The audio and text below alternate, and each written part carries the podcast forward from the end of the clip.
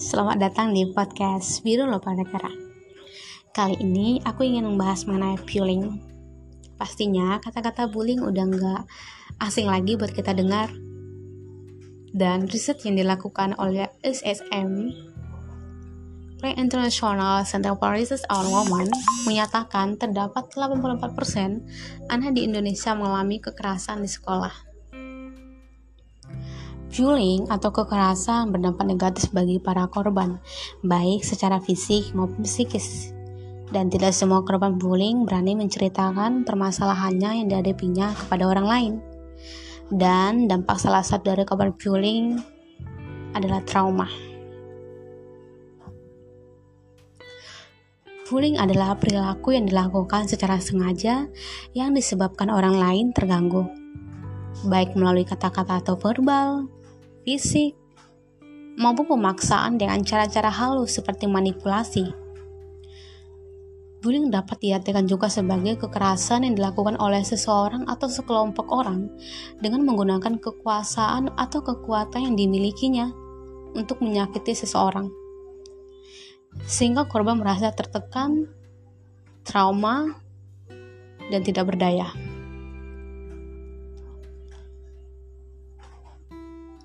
Bahkan, korban bullying akan mengalami kesulitan dalam bergaul, merasa takut datang ke sekolah, dan kesehatan fisik maupun mental pastinya akan terganggu.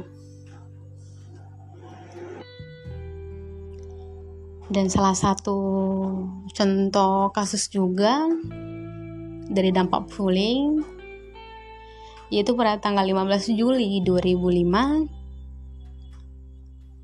seorang anak remaja berusia 13 tahun melakukan aksi bunuh diri dan kematiannya dipicu oleh rasa minder dan frustasi karena sering diejek sebagai anak tukang bubur oleh teman-teman sekolahnya. Dan contoh kasus selanjutnya di mana siswa mengalami tindakan bullying oleh teman satu kelas korban diejek, dijauhi oleh siswa lain, korban juga diancam oleh siswa lain. Akibatnya, korban mengalami tekanan. Korban menjadi pendiam, suka menyendiri, takut kepada teman satu kelas, dan bahkan seseorang yang menjadi korban bullying dapat mengalami trauma atau disebut juga dengan post traumatic stress disorder atau PTSD yang merupakan sindrom kecemasan, labilitas autonomik, ketidaktentraman emosional, dan kelas balik dari pengalaman yang amat pedih setelah mengalami stres secara fisik maupun emosional.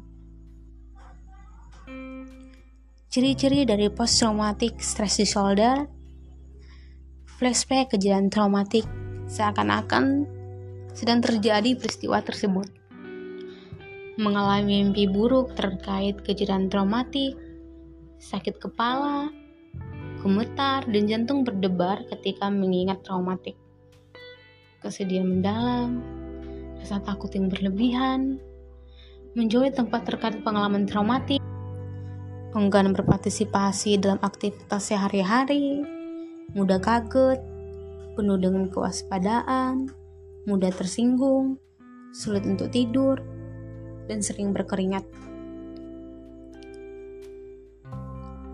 Dan mungkin buat kamu dengan podcast ini atau pernah atau sedang mengalami bullying, aku harap apa yang kalian rasain di sekolah, aku harap juga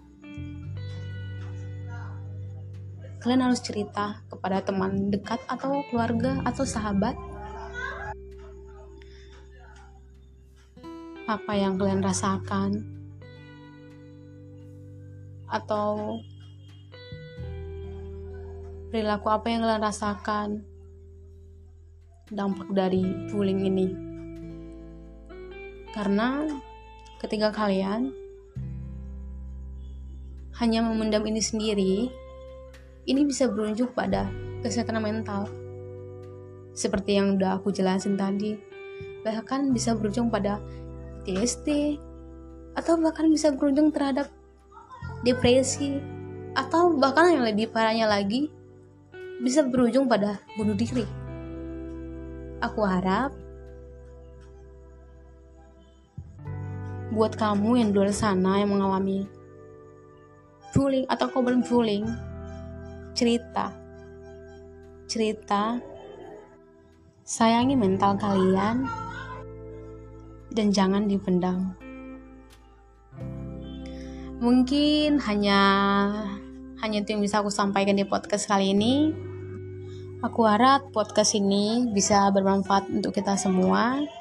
Dan aku juga minta maaf mungkin ada keributan. Dan terima kasih yang udah dengar. Bye bye